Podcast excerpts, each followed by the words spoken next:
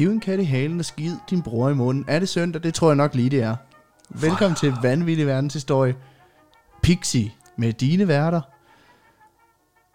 Jeg hedder Peter Løde. Og jeg hedder Alexander Janku, a.k.a. Martin Milka Milkesnit den 18. Og øh, Den 18. den 18. Ja, ja. Det er datoen. Nej, øhm, Lad du mærke til en mandrill-agtig intro. ja, ja, jeg prøver noget præcis. nyt. Jamen, Det er så fedt. Det er fedt, når du også synger. Altså, når det er Superman-referencer, det fungerer også ret godt, men jeg kan godt lide, når du synger. Det er dejligt. Det er Pixie-afsnit. Mm. Det er lige til, til stålet. Og øh, jeg har en historie med i dag. Det har du nemlig. Og det er, øh, jeg har endnu en gang kigget dybt i madkassen og fundet en, øh, Som du plejer. som jeg jo til, ja, det, altså, Det nogen kigger dybt i flasken, jeg kigger helt klart dybt i madkassen.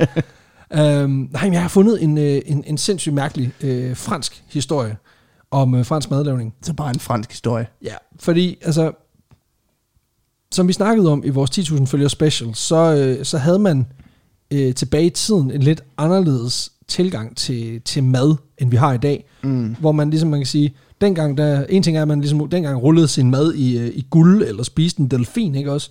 Så har man også dengang, og igennem historien, øh, tidligere spist en masse ting, man ikke rigtig spiser i dag. Ja. Øhm, madkulturen har været fuld af, af farver igennem menneskets historie. Der var en gang, hvor man ligesom primært spiste, hvad naturen bød sig på.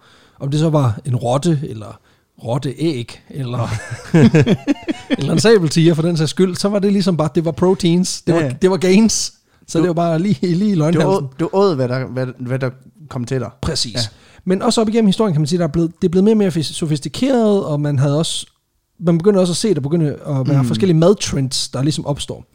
Blandt andet kom det meget på mode i romeriet og søde en stor del af måltiden med for eksempel med dadler, eller og krydre det med en masse krydderier, hvilket også har givet mening, fordi det oser jo ligesom af ekstravagance, når du ligesom spiser Mm. noget, som er øh, fra det fjerne østen, det er fra mm. langt væk. Og det, øh, det er jo faktisk meget lige det, som, øh, som diverse hipstertøser, de gør nu om dagen. når de Ja, ja præcis. Hold kæft, man. Oregano, mand. What? Dadler. What? Kan man putte bacon om det? Det tror jeg nok Det tror jeg nok, man kan. Kan putte safran i det. Ja, det er fedt. Hvad koster det? 26.000 kroner grammet. Det var måske alligevel lige voldsomt nok.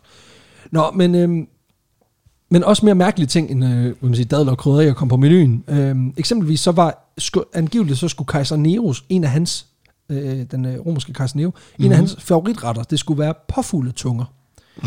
Og nu ved jeg ikke, om okay. Du har set en påfugl, men den har altså ikke et ret stort hoved. Nej, Øhm, har den en stor tunge? nej, det har den Nej, heller ikke. ikke mig. Så der skal altså en del til at fylde sådan en standardkuvert på 150 gram kød. Ja. Øhm, Der, der skal meget til at lave en toast. det, der skal meget til at lave sådan en, en rigtig, rigtig lækker cowboy og toast med, en, med en, påfuld tunge. en, en romer toast. En, ro- en god rom og toast. Men jeg tænker, det er ikke et problem, når man er... Pa- Paris toast, der er bøf i. Præcis, og der er... Cowboy toast, det dem, er... dem tre påfulde tunger, putter man bare, bare gør dem sort. Øhm, men altså, jeg tænker, det er jo ikke et problem, når man er bimlende sindssyg kejser, der, der, der, der ligesom styrer hele Der er butikken, ikke? Dødsens rig. Præcis. Senere der op, øh, hvad man sige, opstod mange andre mærkværdige madtrends i Romeriet, øh, som har spredt sig rundt omkring i Europa. Og øh, det blev der for eksempel blandt andet i øh, en af de store madtrends i Romeriet, spredt sig blandt andet konkret til Frankrig, hvor man indtil 1999 spiste en helt særlig type fugl, der hedder en hortulan. Okay. En, øh, på fransk ortolan. Og Toulon. ortolan. Og fuglen er i sig selv ikke særlig speciel. Den minder mest af alt om sådan en almindelig spurv. Men det, der er specielt, det er måden, man spiser den på. Fordi det, man gør, det er, at fuglen den bliver indfanget, så bliver den holdt i mørke, hvilket får den til at spise mere. Øhm, og så fodrer man den med korn og finer. Okay. og nogle kilder... Kilder for rigtig hård mave. Ja, præcis. Nej, så den, så den feder sig simpelthen op Nå. og begynder at smage af korn og finer. Nogle kilder påstår endda, at man lige prikker øjnene ud på den her fugl, så den er permanent blind, fordi så spiser den mere. Det er noget med, når den er, når den er, når den er, What? Ja, men når den er blind, så når den, når den, når den er i mørke, så spiser den. Når den så er blevet dobbelt så stor, øh, som når man indfanger den, så bliver fuglen simpelthen tilberedt ved, at man simpelthen drukner den i ammoniak. Okay, så, er så, en, det, så øh, det, det, det er foie gras, bare det, meget mere dyrplageri. Bare mere sindssygt, fordi i stedet for at man ligesom øh, f- op, Tvang- opfoster en, fod, en, en gås, og så slår den ihjel, så dræber man den simpelthen ved at, at drukke den i den alkohol, som man flamberer den i. Øh, og så rester man den simpelthen i, i det her ammoniak, som den er druknet i, ved at, at rester den simpelthen i, øh, i 8 minutter. Så bliver den plukket. Mm. Ja, så bliver, ja, det er lækkert. Så bliver den plukket, og så spiser man den ved, at man tager en stofserviet på hovedet, øh, og så putter man hele fuglen i munden, undtagen næbet. Øhm, og så spiser, og så knaser man den og spiser den. Og så har hvad, så stikker næbet ud. Så stikker næbet simpelthen lige ud, og så, Så så der har- spiser den. så- så- så der er ja, lige- den, men den spiser man også. ja, så- men, men der er lige, der er lige 30 sekunder, hvor, hvor du har et lille næb. Præcis, hun er simpelthen en lille bitte næb. øhm, grunden til, at man skal have den her serviet over hovedet, øh, den er ret omdiskuteret, men nogen mener, at det øh, handler om at maksimere øh, smagsoplevelsen ved simpelthen at holde aromaen tæt på hovedet, øh, mens andre mener, at der ligger en tradition tilbage fra romers tid, hvor man simpelthen bruger det her klæde til at skærme sig for Gud, øh, når man nyder en så dekadent og skammelig ret, som det er at spise en fugl, der er kvalt i, Jeg tror, det er i, fordi- i stærk alkohol. Jeg tror, det er fordi, man skammer sig, man ikke vil genkendes. Ja, ja det kan være. øhm, der er også nogle historier om, at de her fugle, de simpelthen, øh, den måde, man tager livet af dem på, det er, at man simpelthen kvæler dem ved at lægge dem ind i, i sådan en vakuum, så de simpelthen øh, bliver kvalt. Hvor, hvor man fået vakuum hen? Jamen, en, altså, i, i en rør, altså et rør, eller i en sådan Nå, ja, okay. eller sådan noget. Men, men igen, altså det, det er primært, at man simpelthen bare øh, flamberer den levende. Så det, det, det, mm. det er ikke så godt. Øhm, og alt det her, det er bare for at sige, at franskmændene har nogle fucked up Den madvaner. gamle napalm uh, treatment. Ja, præcis. Og der findes faktisk, altså der findes til den dag i dag, øh, franskmænd, der forsvarer, franske kokker, der forsvarer retten til at, at tilberede og spise ortolan. Øh, og det er bare for at sige, at franskmænd har fucked up spisevaner. Men problemet er jo heller ikke at spise ortolan. Problemet er jo, at du... du, altså, du du er psykopat, mens du gør det. ja, Ja, ja, præcis. Og det her, det er simpelthen bare lige indet til dagens histor- historie, fordi... Nå, det er bare indledning. Ja, det er bare indledning, for det, for det var for at sige, at franskmændene, de spiser nogle sindssyge ting, nogle gange er lyst, men der er også tidspunkter, hvor de er nødt til at spise det af andet end fri vilje. I hvert fald en gang i historien har nogle franskmænd været tvunget til at spise noget meget specielt. jeg vil sige, den Øhm, sidste franskmand, vi snakker om, er der spiste ting, han spiste gruer, Ja, og spiste et mindre passagerfly. det, kan blive, det kan blive mere mærkeligt. øhm, ej, det, det er mærkeligt, men på en helt anden måde, vil jeg sige. Okay. Vi skal tilbage til 1870, til Paris, hvor der virkelig er gang i den imellem øh, Frankrig øh, og Preusserne. Oh ja. Øh, og det er ikke kun preusserne, I know, fordi det er sådan ligesom et menageri af stater og frie byer, som er gået sammen med preusserne. Mm. Det er ligesom alle dele af det, der senere bliver til Tyskland, som nu har fælles front imod at smadre franskmændene i hvert Nu fald. kalder vi dem bare Preuss. Nu kalder vi dem preusserne. Der var ligesom øh, krig mellem de her tyske delstater, preusserne og Frankrig, og på det her tidspunkt, der går det ikke lige fra franskmændenes vej. Fordi preusserne, øh, de øh, står i september 1870, der er de nået Paris og er i gang med at omringe byen, for ligesom at sætte øh, gang ja. i en indtagelse af den her by. Versailles er allerede blevet tyskernes, og øh, de hygger allerede med at lave ny indretning og gøre klar til at krone en af de ty- altså den Ortolan, tyske... den er ude, vin og snitsel er inde. Ja, lige præcis. Skubbet al, man har simpelthen released the, the, the ortolans, åbnet for buret, og så har man bare puttet en gris ind i stedet for. Så man bare hiver ud igennem øh, trammerne, og så er der bare fint skåret snitsler. Ja, Øhm. lige vent i noget... Lige vendt i noget mel og noget rasp. Øhm, nej, men man gør også klar til at krone den tyske kejser på det her tidspunkt, fordi det skal man selvfølgelig gøre i det her nye indtaget slot. Ja, selvfølgelig. Øh, men paris- parisianerne, de har ikke opgivet sig nemt. Det er sådan lidt øh, gallerne-agtigt. Øhm, mm. De har en her på over 500.000 mand, øh, cirka 22, eller 2500 kanoner, og så 8.000 tons krudt. Øh, så de er klar til forsvar. Det, det må I. De mener, det skal, skulle seriøst. På tyskernes side, der har vi den her fantastiske krigskonsulent, øh, konsulent, der simpelthen hedder Otto von Bismarck. Oh, ja. Og han øh, er simpelthen han er den her hovedrådgiveren på det her tidspunkt. Han er simpelthen øh, overdjøfferen på, øh, for den tyske krigsmagt. Og han byder sgu Han lige er ind. teamleder. Han, øh, Han er 100% teamleder. Han øh, byder simpelthen lige ind på et, øh, på et møde. Regional manager. Han er 100% regional manager. han, øh, han byder lige ind med lidt, øh, lidt godt krigsadvice her, ved simpelthen lige at sige, kunne man ikke bare sønderbom den her by, og så, øh, og så bare ligesom sige, det var det. Altså bare, bare dræbe dem alle sammen. Mm. Og det er jo, på den måde kan man godt forstå, hvorfor han, øh, sådan en kammerat som Hitler var stor fan af, af Bismarck. Bismarck. Fordi han, han er virkelig gun, Fordi han- er guns blazing Ja. typen. Øhm, men til alles overraskelse, så synes den preussiske high command, at det her det er en umanerlig dårlig idé. Mest i og med, at man ligesom bryder alle almindelige øh, standard rules of engagement. Man, øh, man sætter ligesom preusserne i en pisse grim situation, hvor de risikerer at få alle andre på nakken. Mm. Og så frem for alt, så er det fordi, det er pisse usportsligt bare du ved, at dræbe, hvad kan man sige, en masse civile, Ja, ja. som er unødvendigt. Det er lige, lige grænsen. Det, er dårlig sportsmanship. Det er pisse dårlig sportsmanship. I stedet for, så forsøger man sig med en klassisk belejring. Og det gør man ved at slå ring om Paris, og så går The Waiting Game sådan set bare i gang. Ja, ja. Øhm, afbrudt af lidt sådan små kampe rundt omkring. Øhm, der er noget med nogle franskmænd, der forsøger på et tidspunkt at indtage et lager med mad, og det bliver så afbrudt. Der er nogen, der bliver dræbt. Okay. Men det er, det er små kampe. I store hele, der er der belejring. Øhm, den her belejring lukker fuldstændig af for omverdenen, hvilket selvfølgelig er noget værd pis, men for de almindelige parisianere, der kører livet på sin vis videre, fordi der er en masse almindelige, sådan, almindelige hverdagsting, der bare skal til at rulle. Ikke? Altså, vi er nødt til bare at køre videre. Ja, ja. Øhm, franskmændene, de lyder nogle små tab hen over Så efteråret han holder her. de Zoom-møder i stedet for. Præcis, så er de godt, ja præcis, tager den til, over Skype, altså hvor svært kan det være. Ja, ja. Øhm, altså de, de lider nogle små tab Ser henover. fællesang på det. Alt Præcis. Philip Faber bliver kørt ind. Bliver katapulteret ind. Lander direkte oven på et klaver og bare begynder at spille. Folk synger ud af vinduerne og sådan Præcis, noget. der er fællesang på bakken, bare i øh, alle de parisianske arrondissements. Øhm, men altså, man kan sige, det giver ikke et, et særligt godt boost for moralen, at, at de taber også lidt en gang, men der er nogen, der bliver skudt rundt omkring. Øh, og det er vigtigt for tyskerne, at, øh, at de snart får, får hvad man får sige, kvalt mm. den her belejring og får indtaget Paris, fordi de ser ligesom også Paris som en central bastion, og nøglen til ligesom at ende den her krig mellem Ja, Tyskland klart. og Frankrig relativt effektivt. Men i takt med, at tiden den går hen over efteråret, så slider det selvfølgelig også på begge sider. Fordi preusserne, de, led- de har ikke voldsomt mange ressourcer til at holde sig kørende. Og det gør så også, at den franske regering, der sidder i Paris, de er ret trygge i, at man kan knække dem. Og det er jo sådan det, der ligesom er problemet her, det er, at alle holder ud, fordi de er overbevist om, at vi skal nok få jer røvhuller. Ikke? Ja, ja. Og det hjælper heller ikke Så nu, nu, nu er de to børn, der sidder med krydsede arme i hver sit hjørne, bare sådan... Ja, ja, præcis. Holder vejret. Ja. Okay, så fuck. Jamen, du så ikke, at jeg ikke... Ja, præcis. Ja, præcis. Det hjælper heller ikke på det, at tuberkulosen den begynder at sprede sig i de tyske lejre, og at rationerne på det Good old tidspunkt... TV. Lige. Good old TB. øh, de spreder sig, og så er rationerne på det tidspunkt også relativt mangelfulde. Øh, så der er ligesom problemer på begge sider af lejrene. Mm. Øh, og når man ikke får friske supplies, så er der også problemer. Og det får franskmændene jo heller ikke som sådan. Udover post. For det, får, det har franskmændene faktisk fundet en, kommandolinje til at forsikre, at der er post til Paris. Er det, det, det er endnu en posthistorie, du har Nej, fået. nej, det er det ikke. Nej, det er det ikke. Men, men, men det, er, det er faktisk en ret essentiel del af den her 1870-belejring. Så okay. jeg synes, vi bliver nødt til lige at ramme det.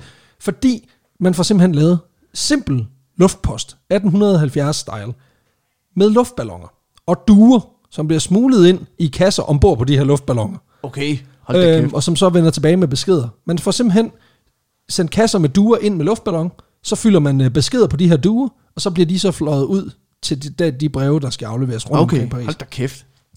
Det, øh, Og man kan sige, at på det her tidspunkt i 1870, der havde man ikke rigtig tænkt i antiluftskyts. Så preusserne, de, de kan jo sådan set bare kigge på den der luftballon, der bare pisser ind over byen lige så stille. det var satans. Det var alligevel, det var alligevel irriterende, det, det der. Det har vi sgu ikke tænkt på dig. Nej, men også fordi, altså selvom de har haft simple gevær og sådan noget, Ja. så, så er de jo ikke rigtig, rigtig der 2-3 kilometer, som sådan en ballon kan komme op i luften. Nej, nej. Der bliver sendt over Og en... kæft ham, franskmand, han grinte op i den der. nu ligner I nogle pækhoveder. Præcis. Kæft, nogle skøre hjelme, Pierre. Idi- er idiot. Idiot. Idiot alle sammen. Præcis. Du er horrible. Nå, der bliver sendt over en million beskeder på den her måde. Øh, ud og ind af Paris. Og det er et ret effektivt system. I enkelte tilfælde, der bliver folk simpelthen også smuglet ind og ud via ballonger. Men det er, det er ret sjældent. Altså det, ja. Man skal være rimelig højt øh, placeret for, at man øh, bliver smuglet ind og ud med luftballon. Men det sker, og det er ret sindssygt. Øh, faktisk så ender en af de her i alt 66 ballonture, der bliver foretaget ind og ud af Paris. Den er ender med, også mange beskeder, de har haft med i hver af dem, så. Jamen det er det ikke, fordi de faktisk de er blevet skrevet, de, de er blevet skrevet det, det er ret sindssygt. Det man gjorde, det man udviklede et system, hvor man forstørrede et stykke papir, og så formindskede man det bagefter. What? Så man, så man skrev det på et meget stort stykke papir, og så på en eller anden måde, jeg kan ikke huske, hvordan, det var, der er en eller anden mm, teknik, hvor man kunne printe det, så det stod mm. på meget, meget små stykker papir, hvor der kunne være utrolig mange beskeder på, på et almindeligt A4-ark lige pludselig. Og så forstørrede man det simpelthen op, når det kom ud af byen. Så der lige pludselig måske kunne være 10.000 beskeder på et almindeligt A4-ark, i stedet for, at der skulle være 10. What? Ja. Så der, er også noget, der har også været noget teknik, altså noget fototeknik, som har gjort, at det, det lige pludselig kunne lade sig gøre at sende så mange beskeder. Hold da kæft, okay. Ja. ja, men jo, de har været hårdt lastet, de her. Øh, og også med duer og sådan noget. Øhm, men en af de her 66 ballonture, den formår faktisk helt uforvarende at slå en verdensrekord. Okay. Fordi vinden, den driver den hele vejen til Norge med en fejl. De, så er det en eller anden nordmand, der har fået en million beskeder om. Hvad, og hvordan hverdagen er i Paris, han er sådan lidt, jamen det ved jeg ikke, hvad jeg skal bruge til. Altså jeg bor i Sjøtkøbing. Så, så han skrevet, Nå, her går det også godt. Præcis. Hilsen Jøra. Og det er faktisk ud af de 66 der, balloner, der bliver sendt op, ud, øh, frem og tilbage, der er det kun fem af dem, der ender i prøjsernes hænder. Okay. Så det har været en effektiv strategi, det her. Men de her balloner har altså ikke mad med, fordi det er alligevel øh, det er for tungt. Øhm, og det begynder at blive et problem for indbyggerne. Mest fordi de godt kan lide mad, fordi de godt kan lide proteiner, fordi de godt kan lide ikke at dø af sult. Øhm, og Det, selvom, øh, det plejer også at være blandt mine top tre ting. mad, vand og social Jamen ikke interaktion. at dø. På, nå ja, okay. Ja, okay. På den måde er vi Lige jo, nu er det faktisk nummer to på den måde er vi jo over så, min, over min favoritting. på den måde er vi jo så ens. Ja. Peter. Øhm, Min Og selvom- favorit, favoritting er osterrejer. over ting, du ikke kan lide, eller over ting, du godt kan lide. Over ting, jeg godt kan lide. Okay, og så et, på, et, ikke, osterrejer. To, ikke at dø. ja, perfekt. Tre, Paradise Hotel sæson 8. Det er meget specifikt. Jeg tror, det er den, hvor Paradise Amalie er med. Nej, det er altså sæson 6. Er det sæson 6? Så, Ja. så det. Okay, det er jo for alligevel for sindssygt at sige, fuck hvor du lander, du kan sådan en specifik reference, så trumfer jeg den. Øhm, og hvis det ikke er sæson 6 eller sæson 8, så er lige ind i, uh, i Private Message. Skud øvrigt til dem, der kunne referencen med Chef og Klo. Det var alligevel for sindssygt. Men uh, tak for det til de tre lyttere, der lige bød ind på den. Vi skal videre. Man kunne selvfølgelig, kan man sige, lave noget urban gardening og Ja, lave, ja, ja. dyrke sine egne grøntsager. Det gjorde der, det blev der selvfølgelig også, og der blev også lavet høns og kaniner og sådan nogle ting. Men det var altså ikke nok til at holde hele den her by kørende. Så i, efter, i løbet af efteråret, der løb man simpelthen tør for gængse fødevarer. Mere eller mindre i hvert fald. Men så er franskmændene jo ret smart indrettet med stærke maver, ligesom vores gode ven øh, Michel øh, Lotito. Um, så de begynder Ja. at blive ret kreative med proteinkilderne. Øh, I første omgang, Okay, ja. okay, der begynder man at organisere jagt af andre dyr, som nu tilfældigvis bor i byen, som Så- ikke er... Ja, øh, rotter og øh, hunde. Ja, Og, øh, katte, hunde, heste, rotter og mus bliver øh, simpelthen indfanget og så lavet om til mad. øhm, der skal fandme også mange mus til. Så nu er det tid til at spise woofi. Øhm, og det kommer simpelthen det kommer nogle ret interessante retter ud af. Og de små caféer, de begynder simpelthen også at, at køre de her alternative dyr på menuen. Jeg kan også godt lide sådan, at man står midt i en, en madkrise, og så tænker man, ved du hvor de er med? Det har de sgu da ned på caféen. Jeg går da lige ud og Vi spiser. tager ned på, vi tager ned på Café Globen. Jeg går, På, vi tager på Globen flagget. jeg går sgu da lige ud og spiser. Præcis. Det er da for dumt. Men det gjorde man altså dengang. Altså det var, det var det, de små fortorvscaféer, det var altså, man gik stadig ud og spiste, fordi man er fransk. Ja. Og vi snakker altså, nu kommer der lige nogle, nogle lækre retter her. Jeg byder lige ind. Øhm, vi snakker, du kan få en lækker ret, du kan få en hestekonsumé med mm. hirse. Mm. Øh, er den her øh, klarede suppe, som man oprindeligt, så vidt jeg husker, lavede ja. på, øh, på fisk. Okay. Øhm, hvor man simpelthen klarer den ved at bruge øh, altså en proteinkilde eller gelatine fra, fra det dyr, man nu koger den på. Men der laver man simpelthen på hest, Okay. og serverer den med Så er, puffet ligesom hirse. kød, det er ligesom kødbollerne i IKEA. Præcis. Og, og på den måde er det jo, det er jo en lækker, det er jo en lækker, altså på den måde, det er jo gourmetmad. Altså, Ja, ja. Det kunne jeg jo også få serveret på en dansk, øh, dansk gourmet-restaurant. Vi snakker, vi snakker andre klassikere, som uh, Epaulet de filet Dijon brassé, øh, et sauce au tomate, som simpelthen er øh, braseret hundeskulder, mm. øh, og filet af hund i tomatsauce. En øh, fransk klassiker, France Classique. Ja. Eller du Med kan få en, kinesisk. på en kinesisk twist. Du kan selvfølgelig også få dig en god omgang hundeben og rotte i pebersauce. Oha. Og hvis det ikke er nok, så kan du få dig en, øh, en god tallerken charcuterie i form af enten skivet kanin og kat med mayo, eller øh, rotte salami med sauce robert. og det er simpelthen... Øh, Rotte salami er der rotter ikke til. nej, det, nej det, er bare, det er bare rotte salami. Og det er simpelthen øh, med sauce robert, som simpelthen er Ro- Roberts bedste drede, der simpelthen er en øh, sauce baseret på øh, hvidvin og sennep. Mm-hmm. Og nu siger jeg bare lige noget, ikke? Fordi altså, min farfar, han spiste nogle ret lede, ildlukkende ostemad med meget, meget stærk sennep. Og jeg kan ikke forestille mig, hvor meget sennepsauce jeg skulle have på for at æde en gang rotte salami. øhm, men jeg tror, det er meget. Det, Altså, det, er, det, er, meget, det er meget Robert Stræde, jeg skal have på. Den er ikke 60 stjerner, den er max 1 stjerne, den der. Det, øh, Jeg tror, rotte salami, den ligger lige under. Øh, selvom at jeg er ret sikker på, at 60 stjerner salami måske også godt, du ved, på en dårlig dag kunne indeholde. Lidt noget. Altså, det er i hvert fald jeg, farve. kender, jeg kender kebabsted i Herning, der også indeholder øh, rotte. Ja, præcis. Øhm, Øhm, men øh, altså, og jeg tænker også, at selv, selvom øh, det, at der, der kommer meget Robert Stræde på, altså jeg er glad for sovs, men, men igen, altså noget- rot- rotte salami, der skal den fandme noget Dijon på, for den, det. den, den trækker fandme ned. Øhm, og de slutter typisk med en lækker dessert, der inkluderer for eksempel begonia di øh, ushu, som simpelthen er marineret øh, begoniaer, som er, det er blomster. Mm. Så man kører simpelthen sådan en, øh, en blomsterdessert, serveret med knoglemarv og hest. Øhm, Mm. det er også bare sygt nok at flække en, en, en, en hestebækken, og så vil, og så vil den og med så nogle, tænk, dessert. og så er der, så er der kraftet med efterårsblomster. Så, så knækker vi skulle lige en, øh, så knækker vi lige hesteben. Det er, også, det er både smukt, og det er meget mobilt på en eller anden måde. Ja, det er det. Og det er simpelthen nogle af de lækre retter, de har på menuen i byens øh, latinerkvarter. Øhm, og det tænker jeg i forvejen, sådan, det, det, det lyder sgu lækkert, ikke? Mm, øhm, Det er fandme, det altså, der er en stor del af de her retter, du ikke engang kan få på Noma. Så, så på den måde kan man sige, at øh, det er ja, meget du kan, mere... Du kan heller ikke få en, cheese, altså en uh, mac cheese på... Nej, det er jo ikke. Nej, men Så- præcis. Og, og man kan sige, Noma bryster sig jo ved at være nordisk mad. Altså det vil sige ting, der er skaffet i nærheden.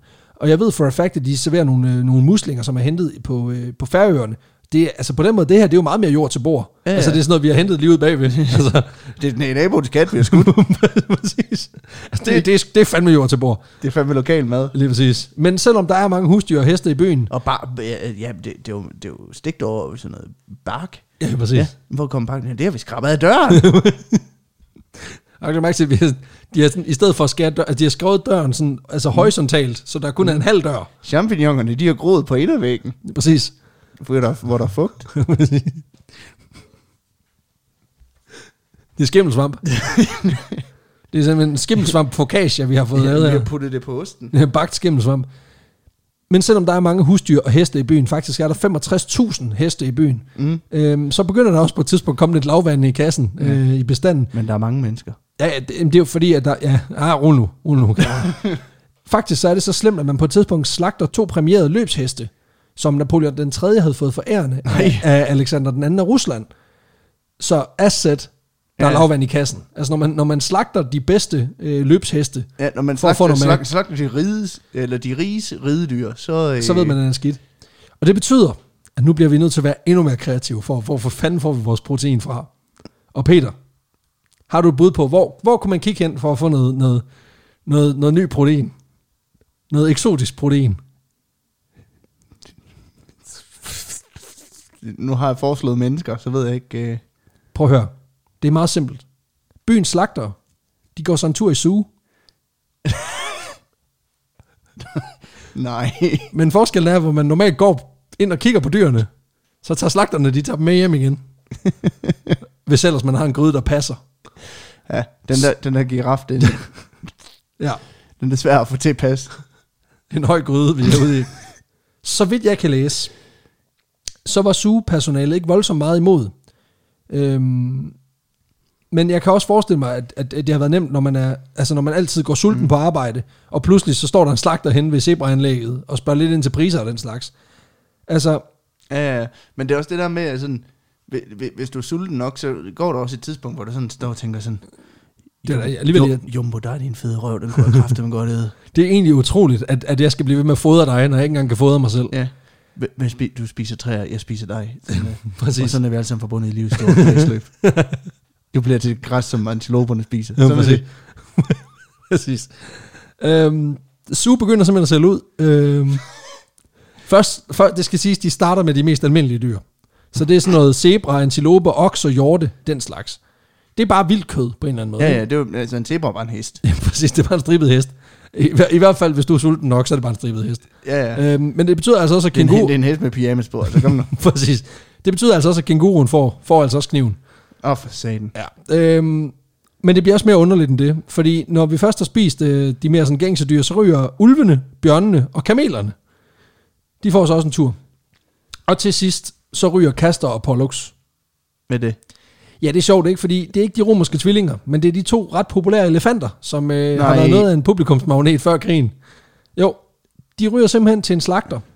Han betaler 27.000 frank, hvilket svarer til i dag nutidspriser, så vidt jeg kunne finde ud af. Små 900.000 danske kroner for to stykker elefant. Øh, det er i hvert fald øh, ifølge historicalstatistic.orgs omregner. Wow. Men, det, men vi skal også lige huske på, at det er altså også to gange elefant, som vejer, det er mindst, det er mindst 4.000 kilo øh, per styk. Så vi snakker sådan, når man har skåret fra, altså et skelet vejer meget, men ikke så meget. Så vi snakker måske en 7 7.500 kilo kød. Og det, men det giver stadigvæk en kilopris på lige over 100 kroner. Nej, det er. Og det, det er stadig dyrt. Altså, Ja, ja, det er en dyr ende. Omkring 130, hvis vi er Men optimister. for elefant. For, jo, jo. Øhm, Jeg ved ikke, hvad de lægger i nu. Man skal også huske på, at det er jo det er, det er lidt pricey, synes jeg. Men det er, jo, det er jo velfærdsdyr. De har haft det godt, de er fritgående, det er øko, det er, Ja, ja, det, det- er alt det gode. Det er biodynamisk. Det er også det. Øh, Altså sådan, biodynamisk øh, gazelle og elefant. Det har fået et like fra PETA. Øh, lige præcis. De er støttet af dyrenes beskyttelse. Som, som nu har bare har vendt dyrene ryggen, fordi du ved, nu er der altså, vi skal have noget protein. Ja. Sorry, ja. Sorry, not sorry. You look damn delicious. øh, alle de her fantastiske eksotiske dyr, de kommer simpelthen også på menuen, både øh, i hjemmene og på restauranter. Fordi den her øh, slagter, Monsieur Debut, han øh, sælger blandt andet snablerne som specialiteter for 90 frank kiloet. Og det er, okay. lige omkring, det er lige under 300 kroner kiloet. Så nu snakker vi altså mørbræd-territorie. Ja, ja. Det, jeg For- kan også godt forestille mig, at det er sådan lidt mørbrædagtigt. Ja, det er jo en muskel, så den, og den får lov at arbejde, så den er sikkert mager. Resterne, de ryger for mellem øh, 30 og 50 kroner kiloet. Okay. Så han har skulle tjene ret meget på de snabler, men jeg tænker også, at snablerne har været relativt store. Så der er meget kød på sådan en. Ja, ja. Men, jeg, Jeg kom med det. men det, det er jo... Det, altså, jeg kan bare forestille mig, at man har jo et alle dyrene i hele byen. Der har jo ikke været et eneste dyr tilbage. Ja, det, har været mærkeligt. det har været mærkeligt, det kan gå i gaderne. Der har været sådan en bundemand, der er gået rundt i byen, ikke sådan... Jens Hansen havde en bundegård. Io, io. Og der var her og der, her, der, alle Alle vegne. steder. Jens Hansen, Jeg er helt ked af det. Helt ked af det, landmand. Nu er Jumbo død. Ja, nu er- ja det var, den, det, var, det var jo deleted scenes fra Dumbo-filmen, Ja, ja, ja. Hvor, hvor mor og far bliver slagtet og lavet om til kebab. ja. Øhm, Elefant kebab, det er fandme lækkert. Jamen, det er det. Øh, og på restauranterne her, der bliver der altså også nogle ret colorful, colorful menuer, vi, øh, de begynder at rulle med her. En central kilde fra den her tid, det er et menukort fra juledag 25. december 1870, hvor vi simpelthen har hele menuen. Nej. Jo. Øhm, nogle af elementerne, det er dem, jeg har beskrevet før, altså sådan noget hundeskulder og den slags. Men ydermere, så er der en masse eksotisk krydder i form af eksempelvis appetizeren, som er farseret æselhoved med smør, radiser og sardiner. Klassisk forret. Øhm, nå jo, men altså Det igen, burde være en hovedret. vi har sådan... Åh, doom! Hvad så? Det, jamen, altså igen, vi har lige snakket om den islandske brunchbuffet, så det her, det er jo ingenting. nej, nej. Det, er jo bare, det er bare everyday use. Ellers så kører de en gang øh, elefant consommé, igen kænguru stuning, så er der kamel på rotisserie, altså øh, med spyd igennem, og så er den Ja, bare fået over flammerne. Så kører de en gang bamse spare ribs, øh, Oh. bjørne ribs, øh, og så er der selvfølgelig også... Bear ribs. Bear, bear ribs. Præcis. Og så er der selvfølgelig også antilope terrine med trøfler, fordi det skal ikke være for, altså det skal ikke være for underlydigt. Nej, nej. Øhm, Sådan. præcis. Det skal da en konge, kongemenu. Og hele menuen, den bliver simpelthen skyllet ned med hvid Chateau Latour, eller øh, en Mouton Rothschild, som er de absolut vildeste vinhuse. Altså, øh, så det har været et festmåltid på den her 99. 20. belejringsdag, Nej. som også står på menuen. Ja, ja. De har i princippet samme diæt som en løve. Ja, det kommer faktisk til. Øhm, nej, men, men jeg synes bare, det er sådan lidt sjovt at tænke på, at det, det her det er den mest ekstravagante menu, og så er den krydret med de to vinhuse, som er absolut top shelf. Ja, ja. Altså de her vine, Fordi det, du... det, har man godt kunne skaffe. Ja, ja, jo, jo, det, men, det har man haft jeg har haft rigeligt af. Nej, men altså både Chateau Latour og Mouton Rothschild er helt klart sådan noget, det er sådan noget 3-4.000 kroners vine i dag. Så, Okay, okay, ja. så, så det, er, det, de mener det er alvorligt. Øhm, efter nytår har jeg desværre ikke kunne finde en menu, øh, så jeg antager, at det også er blevet gradvist sværere, fordi man ligesom har tømt so, øh, så man har virkelig været nede på protein på det her tidspunkt. Ja, ja. Men der er også nogle dyr, man går pænt udenom. Fordi aberne, dem lader man for eksempel være, fordi man mener, de er for tæt på mennesker. Jeg skal også lige sige, at det er freaky. Ja, det er for freaky. øhm, og så er der de store kattedyr, og dem øh, forsøger man angiveligt ikke engang at forsøge at slå ihjel, fordi at, øh, man simpelthen vurderer, at det er for farligt, Okay. øh, simpelthen at tage dem af dage. Jeg kan heller ikke forestille mig, at de smager godt. Nej, men, det er jo man, spiser, man spiser jo heller ikke andre kattedyr. Nej, det er præcis. Ikke engang en rev, den kaster man bare med. Ja, den kat... Den losser man bare til. øhm, og så er der selvfølgelig også flodhesten. Øh, den forsøgte man faktisk at sælge, men med et price tag på 80.000 frank, så var den simpelthen for dyr. Ja. Ja, okay, sorry. Øhm, det bliver formentlig heller ikke nemmere af, at Bismarck på det her tidspunkt har fået overtalt sine bosser til at bruge lidt hårde midler. Så øh, i januar, der kyler man simpelthen over 12.000 granater ind over byen, for at ødelægge parisianernes moral. Øhm, små 400 mister livet, men det påvirker egentlig ikke moralen i sådan en voldsom grad. Nå. En af de øh, franske ledere udtaler, at det her det handler formentlig om, at franskmændene de nedstammer fra gallerne, for hvem krig bare var en ferie. Så altså igen, der er også svung på retorikken her. Ja, ja. Øhm, Der, men igen, der, altså, der de også bare. Der, I det fix.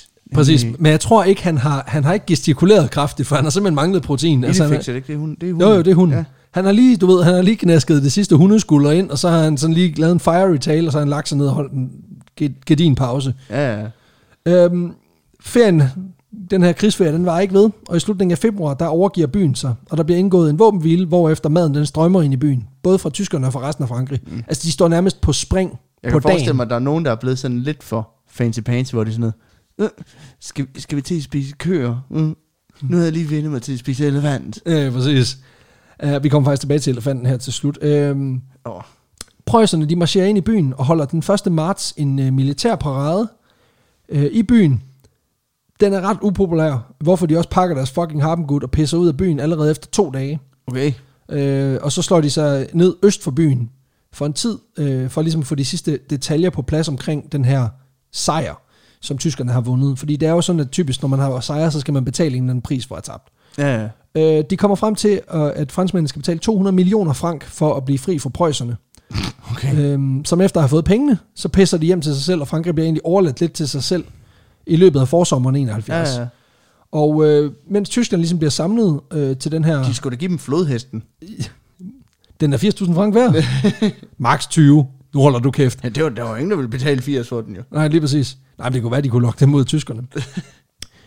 øhm, og mens Tyskland bliver samlet, da de her, den her nordtyske konfederation, bestående af 22 tyske stater, endelig samles med Bayern, Württemberg, Sachsen, Baden, Hesse og Bremen og Hamburg, så bliver, mens det bliver til det tyske rige, så, øh, så, så kan man sige, så bliver tysk, øh, Frankrig ligesom overladt til sig selv. Og der går ikke ret lang tid, inden at, at, tysk, mm. at Frankrig ligesom bare er Frankrig igen. Dog lige med undtagelse af, at, øh, at Bismarck han får ligesom hævet Alsace med ind i Tyskland, ja. øh, som tak for krig. Øh, så der er lige, der, de afgiver lige et land, kan man sige. Men, men ellers så i de store hele bliver de egentlig efterladt sådan nogenlunde skadesfri. Ja, ja. Det var sådan set historien om, om hvordan øh, nød kan tvinge folk til at tømme so og spise en elefant. Jeg synes stadigvæk, de skulle have givet dem elef- øh, flodhesten. Flodhesten, Ja, bare, bare øh, trukke den fra, så sige, så får I den. præcis. Så kunne tyskerne have stået der og var, er så en flodhest. Ej, en flod, flodfærd. Flodfærd. Var, var, var, der, var der foxet start. Øhm, det skal... Ak, ak, Axig uh, 1000 uh, frank. Franker. Das ist uh, su, su, Too much. Das ist zu dyr. Und die sagt, ah, genau, das ist schau. Die, die, Så- die sagt, dass äh, die Deutsche nicht Humor hast. Ah. Aber das ist äh, ganz schau. Det skal siges, at de her elefanter, de smagte altså ikke pissegodt, fordi politiker og forlægger øh, Henri de Boucheret, han øh, beskriver faktisk oplevelsen i sin dagbog. Nå, Han skriver den her linje, som jeg synes det er ret genialt. I går spiste jeg en skive af Pollux til aftensmad. Pollux og hans bror kaster af to elefanter, som er blevet dræbt. Det var sejt, groft og meget olieret, og jeg anbefaler på ingen måde engelske familier at spise elefant, så længe de kan skaffe okse og lam. okay, fordi... Nå, men det, jeg tror, det har været sådan noget, hvis, hvis, hvis tyskerne kommer efter jer, så lad være med at tømme zoo. Spis noget andet, det er federe. Det er ikke sådan, at lad være med at gå på elefantjagt, fordi den ko, du har ude bagved, den smager Den meget smager bedre. meget bedre. Nej. Men jeg synes bare, det er, sådan en, det er meget sådan en poetisk måde at slutte på. Men det er også sådan, det, det, det, det er lidt synd, fordi elef- elefanter er virkelig intelligente dyr, ikke? Mm-hmm. Man har jo dokumenteret, at elefanter, de også sørger, for eksempel, når Mm. der er nogen der, af deres, øh, deres artsfælder, der dør, og de har sådan nogle begravelsesritualer og sådan noget. Forestil dig, hvordan den, den, den ene elefant har haft det, den bare så, det begyndte at æde den anden. Jo, jo. Men altså, jeg, jeg ved ikke, jeg synes, det er sådan lidt, altså, når man tænker på, hvor desperate de er, så forstår jeg jo godt, at man bare har tænkt, ja, så det er skyd, lortet. Det er elefanten intelligent nok til. De er desperate, det ved jeg godt. De forstår det godt. Det er det offer, du må bringe, Pollux og Kaster. Ja, det ved du godt, Pollock. Jeg tror faktisk også, de æder girafferne, men jeg er ikke sikker. Øh, jeg mener, jeg læste, at der var en girafret også, Mm. som de var høje på. Øh, jeg ved ikke, hvordan man tilbereder sådan en, en marker. Jeg, jeg tror, altså helt seriøst, jeg tror, kokkene har haft deres hejs med at finde ud af, hvordan helvede Ja.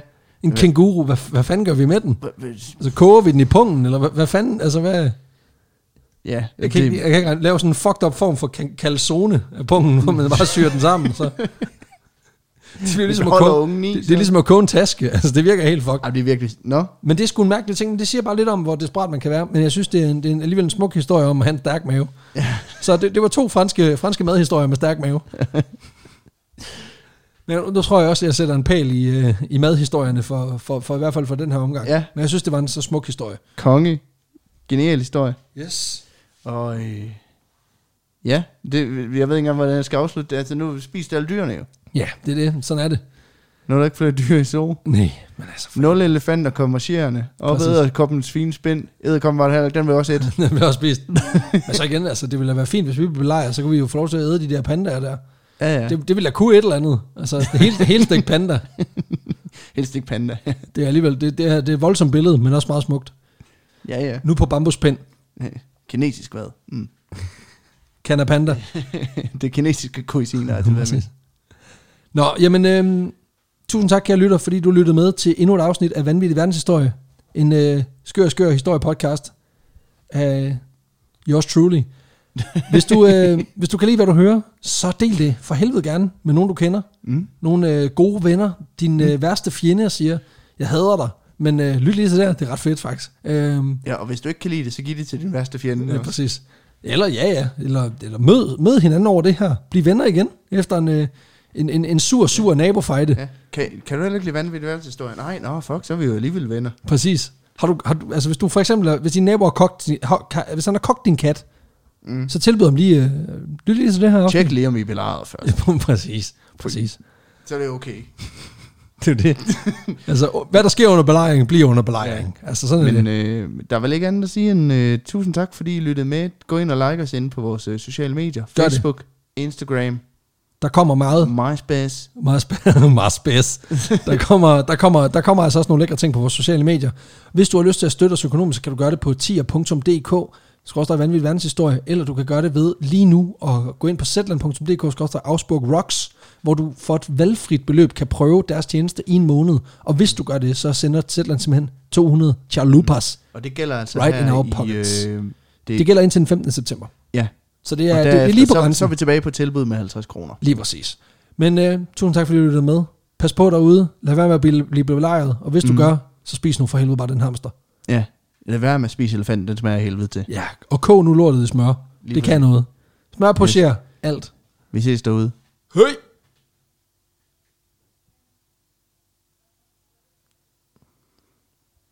Kom nu, Peter. Moin.